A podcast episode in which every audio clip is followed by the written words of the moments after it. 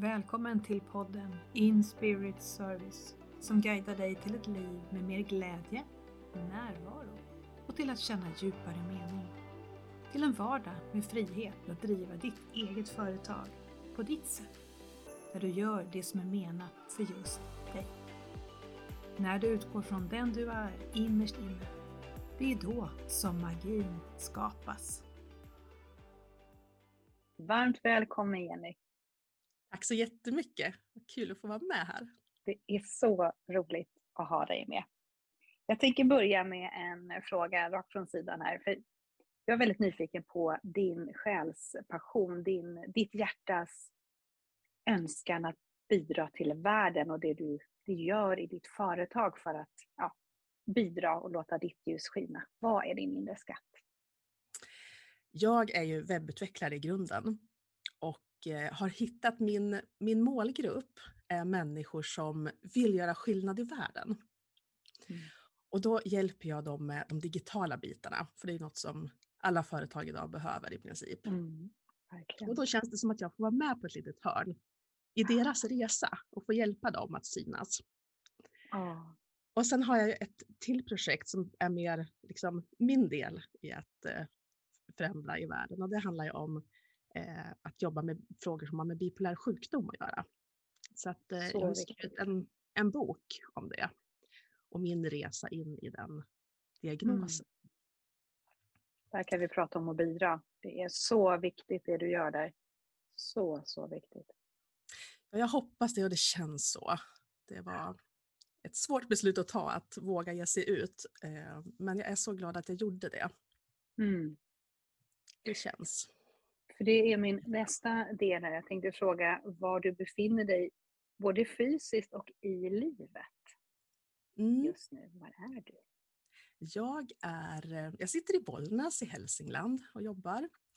Ehm, och i livet så, jag är mamma till två tonåringar. Ehm, och ehm, älskar att driva eget. Det är, mm. det är mm. liksom passion. Eh, jag har gjort mm. det sedan 2003 så det är några år. Ja. Och jag känner att det är lika roligt och det går ju liksom att, att förändra och göra så mycket olika delar i det. Man kommer på nya idéer och nya paketeringar och sådär. Så att det händer liksom något hela tiden. Mm. Um, så att, ja, jag vet inte, var det svar på din fråga? Eller tänkte du ja, verkligen. För du utstrålar verkligen det. Alltså, jag känner att direkt det var precis vad jag önskade med den frågan. Jättebra. för så, och direkt in på det, för jag är ju så himla nyfiken på din resa. Eftersom du har inte bara ditt företag med webbdelen, alltså det här andra, för du bidrar ju på två fantastiska sätt tycker jag, i min, mitt tycke. Så kan du berätta lite om den resan som du varit med om fram till där du är idag? Ja, eh, jag startade ju företaget där 2003 och det var ju så himla roligt. Jag hade ju verkligen hittat min grej. Mm. Eh, jag, alltid, hade svårt att veta vad, vad jag skulle göra eh, efter gymnasiet, för jag tyckte både att så här, matte matte och logik, sådana grejer tyckte jag var kul. Mm. Och så tyckte jag också att eh, bild och form, hade mycket sådana timmar extra på gymnasiet. Um, och jag kunde liksom inte se hur skulle jag få ihop de där två världarna. Mm. Uh, och de flesta i, i, min klass skulle ju iväg och jobba på reklambyråer. Och jag kände mig inte riktigt hemma i, i det där. Det var inte riktigt jag. Um, så det var lite vånda där efter gymnasiet vad jag skulle hitta på för någonting. Men så kom jag på att jag ville gärna bo kvar hemma i Vilhelmina. Mm. Och eh, hörde talas om något som hette distansarbete. Och det här var ju 95, 96 någonting, så det var väldigt sådär... Hmm, väldigt nytt. Ja, det var väldigt nytt och man pratade om att man kunde jobba över telekommunikation. Och man fick sådär, koppla upp sig på modem och grejer för att ja. kommunicera med varandra. Men jag tyckte det lät spännande jag kände att ja, jag hade ingen aning om vad jag skulle göra, men att det där skulle kunna vara ett sätt för mig att få, få jobba hemifrån. Ja. Så. Och så satt jag en morgon och läste Västerbottens-Kuriren som är tidningen där uppe. Och då var det en annons om en distansutbildning i distansarbete. Och jag bara, jag bara läste den tusen gånger och bara, det här kan inte vara sant, det här är ju perfekt för mig. Ja, perfekt, verkligen. Så att då gick jag den, en ettårig eh, eftergymnasial utbildning. Då.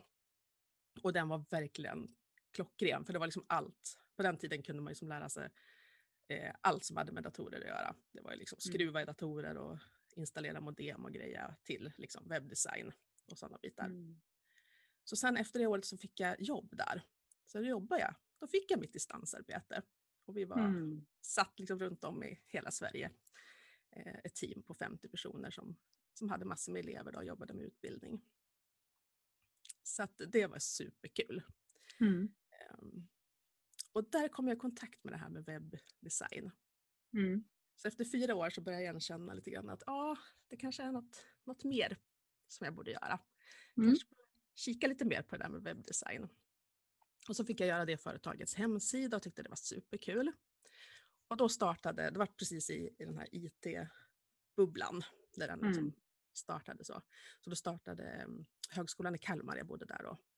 Mm. Då startade de en, ett program som heter webbproducentprogrammet. Som var liksom att lära sig bli utvecklare.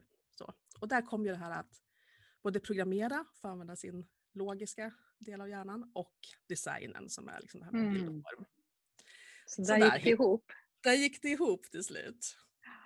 Vad härligt att du berättar om det, för det tror jag är väldigt viktigt för många. Men hur ska man kunna förena? Man kanske inte riktigt ser. Man har en känsla av att alla bitarna är viktiga, men hur ska de gå ihop?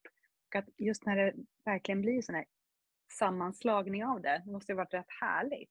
Ja, fantastiskt kul att se att det gick. Och, Ja. och det, som, det kanske får ta lite tid ibland innan man Ja, det får gör ju syn det. på det. Mm. Att ha tålamodet där tror jag också, att just att det kommer få landa, det kommer i sin process. När det blir redo så klickar allting i på något sätt. Ja, precis. Mm. Vad hände sen då? Berätta mer. Ja, sen så efter den utbildningen så var det den här äh, IT-bubblan som sprack. då, Så att Ja. arbetsmarknaden var ju totalt nattsvart. Ja. Men jag fick ett uppdrag på högskolan eh, och sen något till sådär litet uppdrag. Så jag kände att ja, men kanske man skulle våga starta eget. Och jag hade en kompis som hade varit igång ett tag. Eh, så vi sa att men vi skulle kunna samarbeta och, och hjälpas åt. Eh, hon är mer åt reklamhållet. Så, så, att, eh, så startade resan. Då blev det ett Mm. företag. Mm. Då blev det företag. Ja. Som heter Internetform. Internetfarm. Ja, Där började det. precis. Och det var, var det 2004 det? 2003 i december var 2003. det. Mm. Mm. Det var en enskild firma som jag drev några år och sen ombildade till aktiebolag 2007. Mm. Mm. Precis. Vad roligt. Och vad hände sen då? För jag vet ju att du har det här andra benet som jag bara är så full av beundran för att du gör. Mm. Har, har du lust att berätta mer om det? Ja men absolut. Ja, men det snurrar ju på och eh, det blev ju mer och mer att göra i företaget och eh, jag blev mer och mer stressad eh, och pressade mig själv väldigt hårt. Mm. Så, eh, hade, ja, men, jag tänkte jag måste saker hela tiden. Det var liksom ordet måste Ja, använde jag jätteofta. Jag måste det och jag måste det. Och det liksom skapar en sån enorm stress inuti. Mm. Ehm, och det här var 2013. Och eh, hamnade till slut i en depression. För att jag stressade så mycket så att jag fick mindre och mindre energi. Mm. Och ju mindre ork jag fick, ju svårare var det liksom att göra saker som jag tyckte var roligt, för att jag orkade inte. Och så blev det liksom en spiral neråt. Ja. Så att till slut kändes livet meningslöst. Ja. Och jag gick ganska länge med det där. Jag hade liksom inte riktigt... Eh, jag gick inte och sökte hjälp direkt. Utan Nej. jag, det var lite skamfyllt runt omkring det där. Eh, Men till slut så, så gick det inte längre. Då var jag tvungen Mm. att söka hjälp. Så du behövde gå och sjunka rätt djupt då innan du verkligen tog hjälp och lyssnade ordentligt på signalerna? Ja, så var det. Mm. Så att då åt jag antidepressivt ett tag. Eh, Det var väl något halvår, år någonting. Och sen började livet att vända. Mm. Då började jag få mer energi och ork och lust. Och livet var så glädjefyllt plötsligt. Mm. Mm. Eh, och det kändes ju så fantastiskt härligt eftersom jag hade varit nere i det här mörkret, den här depressionen och Ja, att man äntligen började räta till sig, medicinen verkar, livet börjar vara på topp igen. Ja. Så det varvade iväg ordentligt och det gick ju liksom ganska ja, pö om pö där under hösten 2014 är vi framme i nu. Mm. Så det tog ju liksom ett, det var inte bara så här som en blixt från en klar himmel, utan det tog ju liksom tid, att energin ökade mer och mer och mer. Liksom. Mm. Eh, och efter ett tag så började jag få så mycket idéer. Det liksom Mhm. haglade idéer. Mer än du tidigare upplevt då att det blev en stor skillnad? Ja, precis. Först var det som att det kom idéer till mig med saker som jag skulle förverkliga. Ja. Och jag hade ju så mycket energi och så mycket ork och allt var så roligt så att jag tyckte det var jättehäftigt. Wow, det här ska jag genomföra. Så att jag satte mig och satt på nätter och skrev projektplaner och Okej. så.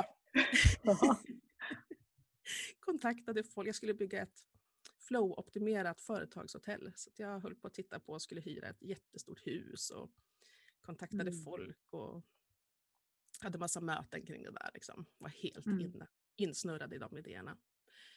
Och sen började det komma ännu mer idéer som jag kände att men det här är inte riktigt menat för mig, utan det här är menat för den kompisen eller den kompisen. Och då kände jag att det här är så viktigt så att jag ville bara ringa runt och berätta om de här fantastiska idéerna som hade kommit till var och en Mm. av de här personerna. Mm. Och till slut snurrade det på så mycket alltså så att jag kände att jag har inte tid att prata i hela meningar. Så jag började liksom kapa av meningarna och tänkte att Oj. folk förstår nog i alla fall. Det var så Men det- mycket tryck, alltså så mycket som skulle ut så du hade inte ens tid med det. Nej, precis. Ja. Så att ja, det måste ju ha låtit jättekonstigt när jag pratade i den där hastigheten. Och dessutom kopplade av meningarna. Ja. Och, och jag liksom, jag hade ingen tanke om att det här skulle kunna vara någonting som också var någon slags sjukdom. Utan Nej. det kändes bara som att jag var mig själv. Det kändes inget konstigt för mig. Så jag, jag, jag kände bara att det var att jag var så glad att det var så härligt att ha Mm. tillbaka orken och energin igen. Mm. Mm. Det Mm. kan jag tänka mig kanske kamouflera lite för att det är så himla skönt att slippa det här mörkret. Mm. Att det blir ljust och att det känns lite, att det är väldigt glädjefyllt. Att det också, det kan ta tid som sagt innan man inser att mm, men det kanske ändå är någonting annat. Ja, så var det. Mm. Så att det där snurrar ju iväg så mycket så att eh, jag hamnade på en sluten psykiatrisk avdelning till slut. Mm. Vi åkte in på akuten här i Bollnäs bara för att mina anhöriga förstod att nu, nu är det Mm. inte bra, nu är det något som inte står rätt till här. Ehm, så då fick man åka upp till Hudiksvall då, på en, Mm. en sån avdelning. Ehm, och, och inte ens där uppe förstod jag vad det var som hände, utan det var bara så här jättekonstigt. För att det var ju Mm. men, som galler runt balkongen och jag kunde inte gå ut utan jag förstod att jag var inlåst där uppe. Och för mig så var det så här att ja, men, är man inlåst så har man ju gjort någonting. Ja. Och det är en sån här fasa att liksom bli beskylld för något man inte har gjort. Och jag kunde inte få ihop det utan jag hade ju som jobbat med projekt som handlade om fred på jorden och såna här storslagna grejer. ja. Jag hade ju inte gjort något tyckte jag. Varför är det här liksom? Så det tog någon vecka innan man liksom med mediciner och fick ner mig i en bättre energiläge. Ja. då. Men, men den första veckan så var det som att jag inte riktigt fick ihop bitarna. Men försökte de ändå, de som jobbade, förklara? För förstod de? Kunde de berätta? Eller var du bara inte mottaglig? Att det inte riktigt gick att få in? Eller? Det måste vara en fruktansvärd upplevelse. Ja, och jag var nog inte riktigt mottaglig. Ehm, och sen satt, sätter man inte diagnosen där, utan det var hela tiden Nej, att okej. diagnosen skulle sättas sen i Bollnäs. Ja. Så jag kommer faktiskt inte ihåg, det var så, så mycket runt om mig där så att jag kommer Ja, inte ihåg vad de förklarade eller sa eller så. Nej, och det kanske inte skulle gå, kunna gå in ändå med tanke på den Nej, status du hade då. nej. Och Det tog en vecka sa du innan det, innan det ens började sjunka, eller? Ja, precis som jag upplevde det i alla fall. Ja. Och sen hoppade jag liksom lite grann sådär mellan dröm och verklighet. Så att det var som att Mm. ibland kvicknade jag till och ibland var det det här drömläget på något vis. Okej. Att jag hade ju perioder där jag tyckte det bara var häftigt och mycket patient, andra patienter och vi hade så roligt och surra om allt möjligt. Till att jag Mm. låg liksom på mitt rum och tyckte att allt var fruktansvärt och jag inte förstod vad jag gjorde där och var förtvivlad. Mm. Att det var som att jag hoppade mellan de där två lägena där också. Mm. Så att ehm, det visade sig ju då att det var en mani jag hade fått. Jag hade först haft en depression och sen gått in i en manisk fas. Det är den här Mm. energin varvar upp så där mycket. Och, Mm. Och då är det bipolär sjukdom då som är diagnosen. Mm. Kan du berätta lite mer? Jag kan väldigt lite om den ska erkänna. Men hade inte det ett annat namn förr i världen? Är det bipolär? Har man alltid sagt det eller? Nej, förut sa man manodepressiv. Ja. Ja. Och det är Eh, samma, samma sjukdom som man nu benämner på det här sättet då? Ja, precis. Så att det är ju de här ytterligheterna liksom. Att du Ja. ho- hoppar mellan två poler liksom. Antingen är det depressionen som är mer nattsvart och Mm. manin som är det här äh, ljuset. Det kan upplevas på olika sätt. En del upplever inte så här glädjefylld som jag gjorde. Eh, Ja, Så det kan vara lite olika. Men, Mm. men ändå att energinivån är väldigt hög så. Mm. Ehm, Är det någonting som, är det ärftligt eller hur, hur kommer det sig att det kommer och när i livet brukar det bryta ut och hur, hur ser det ut? Kan vara väldigt Ja. olika kanske det också? Ja men det kan det vara. Det är, det är ärftligt. Arv och, och miljö brukar man prata om. Så Mm. vissa gener som man, som man kan bära på som, som kan ha den här känsligheten. Mm. Ehm, Och sen brukar det bryta ut någonstans tonåren upp till 30-årsåldern. Men det är ju så svårt med diagnoser och sådär. Man kan ju, jag Ja. hade ju haft en depression, eh, hur gammal var jag då? Kanske 19-20-årsåldern. Mm. Men det tänker man ju inte att det var bipolär sjukdom då. Utan det behövs ju Nej. till den här manin för att man ska förstå. Okej, det och den om. upplevde du inte att du hade då? Nej, hade... inte alls. Nej. Nej, okej. precis. Kan det ha varit det här stressen och pressen och det här förhatliga ordet måste? Kan det ha varit det som för dig på något sätt har triggat det här då? Vet man någonting sånt eller hade det hänt i alla fall? Nej, det är vad heter en trigger. Stress är en Mm. trigger för att få nya skov. Ja. Så att absolut tror jag att det, hade, att det var det som triggade igång det. Mm. Mm. Hur gjorde du då, då för att när du får diagnosen, du vet vad det handlar om, vad, vad hände sen? Du hade ju ditt företag och familjelivet och allting. Hur, hur, hur gick du vidare därifrån? Vad hände då? Ja, det har varit jättesvårt. Alltså jag skämdes så mycket. Mm. Ehm, Jag var så rädd för att det skulle komma ut och att det liksom skulle eh, få konsekvenser sådär. Ja. Eh, Skam handlar ju om att, att, att man är rädd för att hamna utanför gruppen. Mm. Eh, Så att jag var jätterädd för att jag inte skulle få kunder eller att mina kunder här kring skulle försvinna. Mm. Jag var jätterädd för det. Ehm, Och ju mer jag var i det där virrvarret av tankar, ju jobbigare blev det ju. Mm. Eh, Så att det kändes som att jag brukar säga, det kändes som att jag stängde in mig i en rustning. Ja. Och där låtsades jag som att allt var bra och att jag inte hade någon diagnos. Okej, så du började arbeta igen och bara gick med din, ditt skal, den här rustningen, Ja. och kämpade på där inne. Mm. Men hur gjorde du för att ta hand om den här rädslan och den här, ja, alla de här jobbiga känslorna som förstår måste ha ätit på dig inuti Mm. dig? Ja, där gick jag också alldeles för lång tid innan jag försökte göra någonting åt det. Utan jag gick med de där Mm. känslorna länge själv. Mm. Och så 15, 16, 17, kanske ett par, ett par år gick jag själv med det där. Så länge ändå. Mm. Och verkligen, jag hade så svårt att prata om det. Det kom liksom inga ord. Jag, jag fick inte Nej. ur mig någonting. Det var liksom bara stopp. Mm. Så. Så när du väl började prata, vad var det som gjorde att du... För jag vet att du har skrivit en fantastisk bok och du har ju fått ett fantastiskt gensvar nu när du har öppnat upp och pratat om det. Det jag menar, att du Mm. gör ju, alltså, din själsuppgift här är ju magisk. Du är ett sånt föredöme. Det är helt fantastiskt det du gör.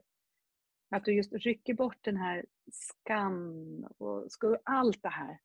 Visa mänskligheten i hela. Det är helt fantastiskt det du gör. Åh, tack. Så vad, vad hände där när att du vågade börja plocka av dig rustningen och visa den Mm. du, vackra människa du är? Ja, men jag kände ju till slut att det här går inte. Det var som att jag gick i ett vakuum på något vis. Jag var liksom Ja. inte deprimerad. Ja, precis. Jag var inte deppig och, och så, men det var som att det var som ingenting på något vis. Nej. Mm. Och Så det att jag började inte. läsa, nej det höll inte. Jag kände det till slut, det här går inte. Och, så Mm. jag började läsa massor om, jag hade läst mycket om bipolär sjukdom för att förstå den. Och så började jag läsa på om skam. Och Mm. alla tycktes vara överens om att det måste få ljus på sig. Mhm. Och det sättet att göra det är att börja prata om det. Ja. Så det var inte riktigt det beskedet jag ville ha. Nej. Det är så jätteläskigt. Aj då. Ah. Ja. Men jag, ehm, jag började prata lite smått med eh, några stycken online som Mm. jag hade förtroende för. De, som, de visste ingenting om det här. Sen hade jag ju släkt och vänner här som visste, men, men de visste ingenting. Eh, så med stapplande steg så försökte jag börja berätta och blev så Mm. otroligt varmt mottagen. Är så Ja. evigt tacksam för det. Ehm, så att liksom börja prata i kanske små grupper med människor som man har Mm. förtroende för. Mm. För Så att du sen känner en trygghet. Ja, det är väldigt viktigt? precis. Mm. Tryggheten är ju superviktig. Sen tänkte jag, jag läste också om det här att stress är en trigger. Mm. Ehm, och då tänkte jag att vad kan jag göra för att få ner stressnivåerna inuti sådär. Mm. Eh, Och det första jag började tänka på var ju massage. Mm. Jag tänkte att jag skulle vilja ha något, något mysigt ställe sådär där jag, ja men samma sak där, känner mig trygg och eh, att det liksom är mysigt inrätt och sådär. Jag hade liksom någon bild av hur jag skulle vilja att det var. Mm. Och så hittade jag det där stället. Det fanns ju här i Bollnäs ett ställe som heter Själens rum. Där Mm. man liksom, när, man, ja, när man öppnar dörren där så möts man av liksom härlig doft och det är varmt och det är fint inrätt och Mm. personen som har det bara så strålar av trygghet och glädje. Så att vi började med att vi hade massage. Och sen fick jag reda på att hon kunde ha, eh, vara så livscoach också. Så då sa vi, men vi bokar in och, och testar det. Och där kan jag säga att hon lyckades peta lite på mig och ställa Mm. de där frågorna som var sådär djupa så att jag kunde inte värja mig utan orden bara började forsa. Och det var ju helt fantastiskt. Att det liksom inte var något stopp, det bara forsade ur. Det var inte så svårt längre. Nej. Så då var du redo kanske att prata om det också? Och att Ja, någon och som öppnade upp för dig visade vägen och där var det tillåtet och så fick det plats? Ja, Vad magiskt, vad ja helt magiskt. Jag tror det är så viktigt det här med rätt frågor för att när jag hade provat terapi inom den vanliga sjukvården så är det mycket jag menar, att jag ska komma på vad jag ska säga. Mm. Och jag var ju helt, jag hade inga ord. Det vart såhär, Mm. jag grep efter något som jag sen kände var larvigt, varför pr- pratade jag om det där? Det hade ju ingen mening egentligen. Mm. Eh, det kändes på ett helt annat sätt här när hon liksom Mm. tog de här djupa frågorna. Ja. Det blev på ett... Kan, det, kan det vara att det blir mer, mer äkta och inte kanske tillrättalagt och någon form utan att det fick vara verkligen från din själ, från ditt hjärta? Ja, där satte du ord på det. Det tror jag måste vara väldigt viktigt att man just, för i det, där finns ju, i mitt tycke som jag känner, så där är ju det äkta, ärliga, det innerst inne sanna för mig som människa och själ. Och att hitta ingången dit. Så den här människan som då hjälpte dig med de här frågorna måste verkligen ha knackat på den dörren och din själ och hjärta, ditt hjärta var så tryggt. Och här kan du få verkligen blomma ut i allt som den ville förmedla. Mm. måste ju ha varit magiskt. Ja, verkligen. Och jag tror också att den här stunden med massage innan gjorde att jag var Precis. så lugn och härlig i kroppen. Ja. också. Exakt, att du har Att hela kom. paketet. Ja, den kombon Mm. tror jag är helt magisk om man vill Ja, prova att öppna upp för någonting som känns svårt att prata om. absolut. För det sitter ju så mycket, kropp och själ hänger ju ihop. När kroppen får hjälp att slappna av, verkligen fysiskt, du är trygg, du kan koppla av signalerna till själen. Okej, det det är okej, vi kan prata här, det är lugnt. Det måste vara Ja. verkligen superbra kombo. Gud vad Ja, härligt att du hittade ja. den.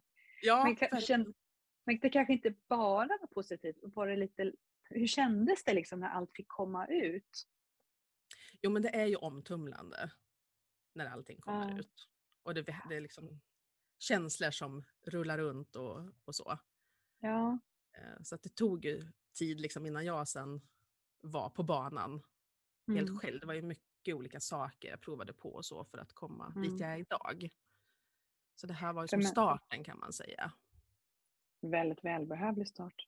Men jag Mm. tänker att för även om, alltså det är ju en del av läkeprocessen, för att komma igenom så måste man just igenom. Och den kan vara ganska smärtsam den resan. Även om man självklart, i alla fall när man är på andra sidan, inser att jag hade inte velat ha det ogjort för det var vägen fram. Mm. Så kunde du ändå känna att det här är vägen fram, även om det nu gör jätteont att se på det här och lyfta det här och läka det här? Visste du att det här kommer att hjälpa mig, att jag kommer fram genom att ha det här modet? Ja, jag tror det. Sen är det klart att jag har tvivlat flera gånger och sådär och funderat på. Mm. Från början var det mest för mig själv att läka och det kände jag att det hände saker. Att det kändes så mm. rätt. Mm. Eh, sen när jag kom till steget att jag eh, funderade på om jag skulle ge ut en bok och om jag skulle börja prata om det mer offentligt. Mm. Det steget var ju ännu mer svårt. Alltså där fick jag ju gå liksom två steg fram och tre bak och, och hålla på och mm. fundera och tänka och känna om det verkligen var rätt. Mm. Så du tillät i alla fall att vara en process? Ja. Det, tror det jag säga. Så från andra. Jag kanske inte var medveten om att, jag, att det var så då, men Nej. ser jag det, på det nu från andra sidan så känns det som att, att, jag, att det var så. Det tror jag är väldigt viktigt, att man inte tror kanske att okej, okay, om det här händer så ska jag till det här steget och det ska gå plättlätt. För att det är just en process. Först läka sig själv och sen kan jag tänka mig att det nästan måste ha varit som en, själs, en kallelse från själen att du bidrar med det här att du, du, ut i världen. Och att det mm. också måste få ta sina steg och landa rätt. Och den läkeprocessen som nästa utmaning, för jag kan tänka mig också att det är ett litet kliv utanför komfortzonen att göra det. Ja, verkligen. Men berätta ja. mer om den här boken, jag är så nyfiken på den. Ja, eh, men det börjar ju egentligen som dagboksanteckningar. Att jag skrev mm. dagbok, egentligen ända från de här, det maniska skodet och framåt. För att jag har mm. alltid, mm. alltid gillat att skriva dagbok och att det har känts liksom läkande att skriva av mig. Um, och till slut kändes det som att ja, men det här... Ja, men jag, sen började jag titta på mer olika sätt för att ta hand om mig själv. Mm. Uh, vi måste nästan börja där. Ja. um, för jag testade allt möjligt. Jag kände att medicinen hjälpte mig liksom till halva, alltså halva mitt batteri fylldes upp på något vis. Mm. Men det var inte nog, jag ville ha mer. Jag ville liksom hitta tillbaka till den jag var förut. Mm. Um, och då uh, ja, men jag testade allt möjligt och kände att till slut att ja, men här har jag någonting. Jag känner skillnad i energibalans i mig själv. Uh, och det här borde gå att sammanfatta i någon typ av metod. Mm. Först gjorde jag det för mig själv för att liksom ha lite koll och kunna planera mitt liv utefter det här.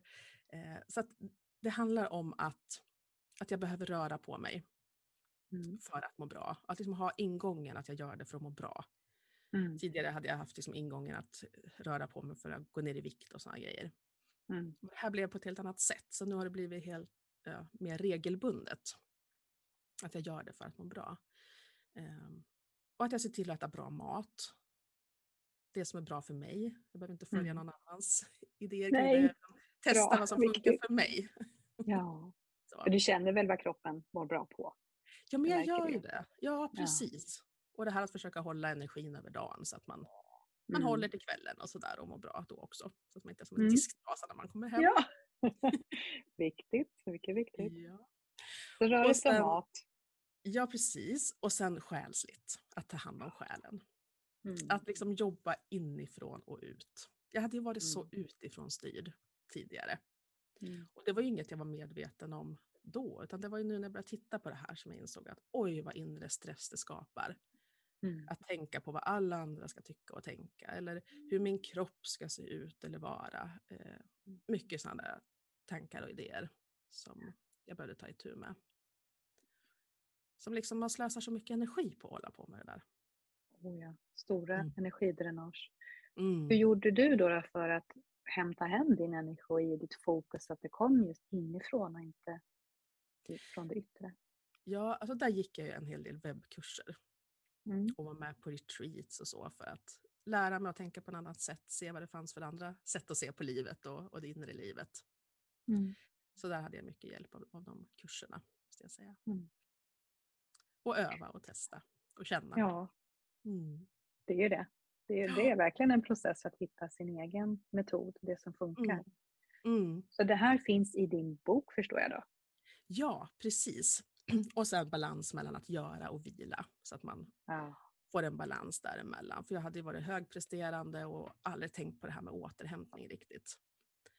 Men bara få in de här korta pauserna under dagen och Mm. Och så gör ju så himla stor skillnad.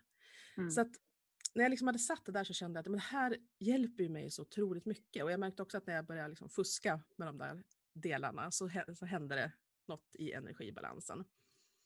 Så där skapas det ju en, en kraft i att ja, men jag skulle vilja dela det här. För funkar det för mig så borde det rimligtvis funka för fler. Och där kom tankarna kring att göra en bok av det. Mm. Så att det blev en bok som handlar om min resa och de här olika delarna i, jag kallar det för Meijevårdsmetoden, som då har de här fem mm. grundpelarna. Och tankar och idéer kring hur man kan, kan jobba med det med sig själv och hitta sin egen del i det. Vad härligt. Du har ju en fantastiskt fin omslagsbild på den här boken. Den är så talande. Om du berättar mer om hur den kom till? Ja, jag var med en fotograf som heter Janine Lag, eh, jätteduktig fotograf som jobbar med storytelling, fotografering. Eh, så då var vi till eh, Livrustkammaren i Stockholm och fick låna en sån här ehm, eh, rustning från 1700-talet. Super, super tung. så det var så häftigt. Jag fick klä på mig det där och så gick vi runt och fota och sådär. Och den var ju så otroligt tung då, så att när vi sen tog av den så var det verkligen så symboliskt som att åh, nu tar jag av den här förgrönade dräkten liksom. Åh, hur kändes det? Ja, det var helt enormt. Jag kände mig så lätt. Det blev liksom både fysiskt då, liksom att det lättade runt axlarna och få andas ut och liksom nu. Nu ja, blir det en underbar symbolik. Vad ja. härligt. Så hur, när var det du gav ut boken? Var det förra året? Eller? Ja, det var i år i april. April var det. Var det. Ja, precis. Och hur har gensvaret och vad har hänt efter det? Jo, men jag har fått kontakt med mycket människor. Jag tycker det är jättekul att få prata på mejl och DM och så. så att, och jättefina recensioner har jag fått. Så jag är så tacksam för det. Mm. Och sen har jag fått vara med i lite tidningar och poddar och sådär. Blivit kontaktad mm. av olika podd, poddmakare eller vad kallar man det? Mm. Eh, så att eh, det känns som jag har tagit några steg framåt att få sprida det här och dela det. Ehm, och det känns fantastiskt att få göra det. Ja, minsann har du gjort det. Det är ett helt fantastiskt arbete du gör med det här. Och är det, förutom det här, finns det andra något företagsben mer i det här eller är det boken och att prata om det? Hur ser, hur ser du på delen runt det här då? Jag ser det som en separat del i mitt företag. Så att jag har gjort ja. om företaget så att det också är ett förlag. Så att boken mm. ges ut på eget förlag då. Oh. Ja. ja, kul. Sen har jag varit ute och föreläst också och det skulle jag vilja göra ja. mer av. Så att det blir som ett eget ben. Så jag driver en sajt som ja. heter bipolär.se för det mm. benet. Men sen mm. webbbyrån lever sitt liv liksom. Ja. Så att det blir som två, två delar i företaget. När du föreläser då, vilka riktar du dig mot? Eller har de av sig till dig och vill att du kommer? Var hamnar du då? Ja, nu var det eh, Studieförbundet Vuxenskolan som hörde av sig. Så var jag med under psykiatriveckan uppe i Hudiksvall och föreläste. Mm. Ja. Eh, och då var det så allmänt folk kunde komma dit. Mm. Eh, mm. Så det var en blandad publik med privatpersoner och personal inom psykiatrin och så som, som var där och lyssnade. Och det var fysiskt då? Alltså då träffades ja, det var fysiskt. Ja, ja. det var det. Mm. Digitalt då, gör du någonting sånt? Digitalt har det varit lite sådana här äh, intervjuer. Så. Mm. Um, men det vill jag också göra mer av. Så det, mm. Föreläsningar är en grej framåt, tänker jag. Mm. För jag tänker att det måste finnas väldigt många människor, dels som direkt är berörda av, menar det är inte bara du som har den här diagnosen, den sjukdomen, och även folk runt omkring, både som familjemedlemmar, i mm. yrkeslivet och det finns väldigt mycket jag, menar, jag kan tänka, jag är nog inte ensam om att dels inte kunna så mycket om den. Vad innebär det? Att vi verkligen avdramatiserar och tar bort det här skam och skuld, att hur viktigt det är. Mm. För att mm. det är ju inte... Känslan, jag kan absolut förstå den, att oh vad läskigt att gå ut och prata om det här, nu kommer folk tycka och tänka. Men allt som oftast, tror jag, när det här modet, jag tänker på Brené Brown som jobbar mycket med om det här ju. att stå där och visa upp sig själv och hela sin mänsklighet, att oftast så blir det ett fantastiskt gensvar, att man är inte ensam om det. Nej. Vad underbart att du pratar om det här, för jag har känt mig ensam. Nu finns vi är fler. Och jag kan, åh, titta här, hon visar på de här fem pelarna som jag också kan använda för att må bättre. Underbart att få den här vägvisningen. Så det måste ju vara ett stort behov, tänker jag, av att just stå där som ett språkrör för det hela. Hur tänker du om det? Ja, men det är en hel del som har hört av sig som har just med anhöriga. Att Mm. de själva är anhörig till någon som, har, som de Mm. tror kanske har diagnosen och som inte har fått den än och så. Ehm, Så där kan man vara med och hjälpa till att svara på frågor och så och diskutera. Mm. Men det måste Mm. ju en, en, viktigt att göra skillnad på vad en läkare behöver ta, som medicinering och sånt där pratar jag sällan om. Absolut. Ehm, utan där handlar det om Maywårdsmetoden då och det man kan göra själv. För att, Ja. Som du var inne på det här med skammen också och slippa slösa så mycket energi på det. Ja, verkligen. Man det kan man lägga på något annat. Ja, det kan man lägga på något annat. Ja, men precis. Ja. Jag brukar tänka om jag inte hade ägnat de där åren åt att skämmas och istället börja Mm. titta på hur kan jag hjälpa mig själv att må bra. Mm. Då hade det gått så mycket fortare. Fast du gjorde ju det du kunde, det du hade Ja, insikt och visdom och kunskap till just då. Så det är också Mm. viktigt att sen inte efteråt börja slå på sig själv. Varför just gjorde jag inte annorlunda? För det, det, var ju, Mm. det blev ju som det ska. Och nu är du Mm. ju där du är och är ett fantastiskt fint ansikte utåt för de andra som behöver. Så om, man, om man lyssnar på det här nu och känner att man skulle vilja veta ännu mer om det här, just den här biten. Mm. Är det den här hemsidan man vänder sig till då i första hand för att veta mer och få ditt stöd? ja på, på bipolär.se så finns det en del material. Eh, sen driver jag ett Instagramkonto som heter Jenny Sandfors. Där Mm. skriver jag om det Mm. regelbundet. Eh, och så boken då. Mm. Och det går att kontakta mig på, på Instagram där på DM och så, eller mejla. Mm. Mm. För om vi tittar också på just hela den här fantastiska berättelsen som du har nu har delat så fint och företagande i sig. Hur, hur såg det ut? Fanns det någon tveksamhet att ändå fortsätta som egen? Eller hur, hur har du sett på den biten? Hur har det funkat? För mig så tror jag det har varit en fördel att vara egen. Att jag har kunnat börja titta på, Mm. Jag började titta på mig själv och mitt eget liv, hur jag kunde ställa om det. Och så Mm. företaget. För jag insåg Mm. att det var ju inte hållbart att stressa och pressa mig sådär som jag hade gjort innan. Samtidigt så ville jag vara högpresterande och liksom känna igen mig själv sådär i att vara Mm. effektiv och få saker gjorda och så. Ehm, så där kom jag i kontakt med till exempel Olof Rölander pratar om att njutarbeta. Mm. Det finns ett engelskt begrepp som heter high performance.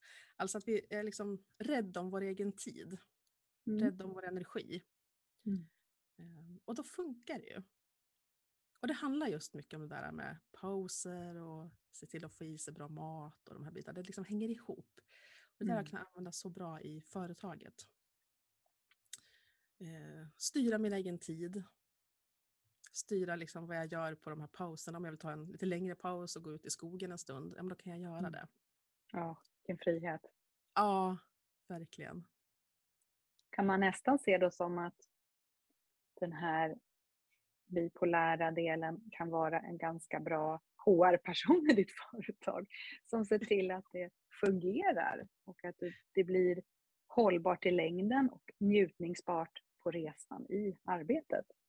Det skulle man kunna säga faktiskt. Med Om man ska hitta något positivt med det. Ja, ja precis. jo, men I och med att det är så viktigt för mig att undvika stress. Ja. Mm. Och det är ju, tänker jag, för så många, även om man nu inte har en diagnos eller någonting annat, så är det ju för att det ska vara just hållbart Mm. och att man gör det på sitt sätt efter sina förutsättningar. Ja. Det tror jag är superviktigt och du har ju verkligen lyckats integrera det. Mm. Helt fantastiskt. Finns det något, jag tänker på, för att ta dig dit där du är idag, för du är ju du är fortfarande företagare och det snurrar på och du har utökat företaget med den här delen också. Finns det någonting speciellt som du har då, utöver dina fem fina pelare, du kallar dem pelare eller hur? ja, precis. så. Ja. Mm. Finns det något annat som du har gjort och valt och tänkt? Några nycklar som du skulle vilja dela mer av till de som lyssnar på det här som sitter med sina funderingar i företagande och den världen? Mm. Ja, men jag, just det här synsättet att man tänker att det handlar om energi. Eh, Mm. Och du som pratar om det här med att vara introvert till exempel. Mm. Så har jag alltid sett mig som introvert men ändå inte riktigt haft koll på det begreppet och inte sett det på det sättet jag gör idag. Eh, utan jag ser det som att det handlar om var jag laddar energi. Exakt. Och ehm, att jag, kan, jag trivs, jag kan gå ut och hålla en föreläsning eller jag kan, eh, jag tycker om att gå ut och träffa folk och så. Men sen behöver jag hem och vila upp mig. Och det hade jag inte koll på förut utan jag körde bara på. Vilket gjorde att jag blev helt slut och till slut kanske trodde att nej, men jag är inte gjord för att vara ute och föreläsa till exempel för det tar för mycket energi. Men jag tog ju aldrig hand om mig efteråt, det var ju det. En så enkel grej egentligen. Mm. Som är så superviktig och så kamouflerad kan jag uppleva den innan man greppar den. Och man tror ju inte det, så det är jättebra att du säger just det. För att när man hittar sina re- verktyg och redskap för hur jag ska lösa det så inser jag att jag kan visst stå där och prata. Bara jag sen ser till att göra det här. Ja. Jättebra. Så att det är ju ja, fantastisk lärdom som gör livet Ja. så mycket enklare som företagare. Oh ja, Ja. verkligen. Lyssna på vem man själv är och vad man själv behöver. Ja, och samma det här med att eh, gå ut och sälja till exempel. Mm. Så har jag inte sett mig själv som en säljare. Jag tycker inte om det här att måste liksom visa fram fötterna och sälja till varje pris och sådana där grejer. Mm. Ehm, Men det var mycket sånt man lärde sig faktiskt när man började på starta eget-kurs där 2003. Det var ju länge Mm. sedan, kanske annorlunda nu. Men det var mycket sånt snack då. Mm. Eh, Men det har ju liksom rullat på på något vis i alla fall. Men nu när jag börjar se det som att ja, men, jag kan gå ut i världen och dela min kunskap, mina tankar. Som det här nu med bipolärprojektet har jag hela tiden tänkt att men jag går ut och delar vad jag har upplevt och upptäckt. Mm. Och de som vill och kan litar jag på att de kommer till mig. Mm. Jag vill liksom inte prångla på någon om det här, utan det är bara de som vill och kan kommer och, och tar del av det jag vill berätta. Och då blir det på ett helt annat sätt. Det blir mycket hjärtligare, det känns mycket roligare, det är, ja, det är inte så svårt och krångligt längre. Och det passar mig som känner mig som en introvert person sådär att ja, jag går ut och delar. Delar med mig. Mycket bra ord. Man delar med sig precis. Och det kommer ju från hjärta och själ. Man delar med sig. Precis som du säger, det gäller i och för sig att man får ha modet att göra det. För annars kanske folk inte kan veta att du finns där. Men Mm. när du gör det och blir synlig Mm. så kommer ju rätt personer till dig. Och då blir det ett mer hälsosamt flöde i det hela känner jag. Istället för att komma från det här klassiska, som jag tycker säljare för mig är nasare som kommer knacka dörr och ska tryckas in och sälja en dammsugare eller någonting.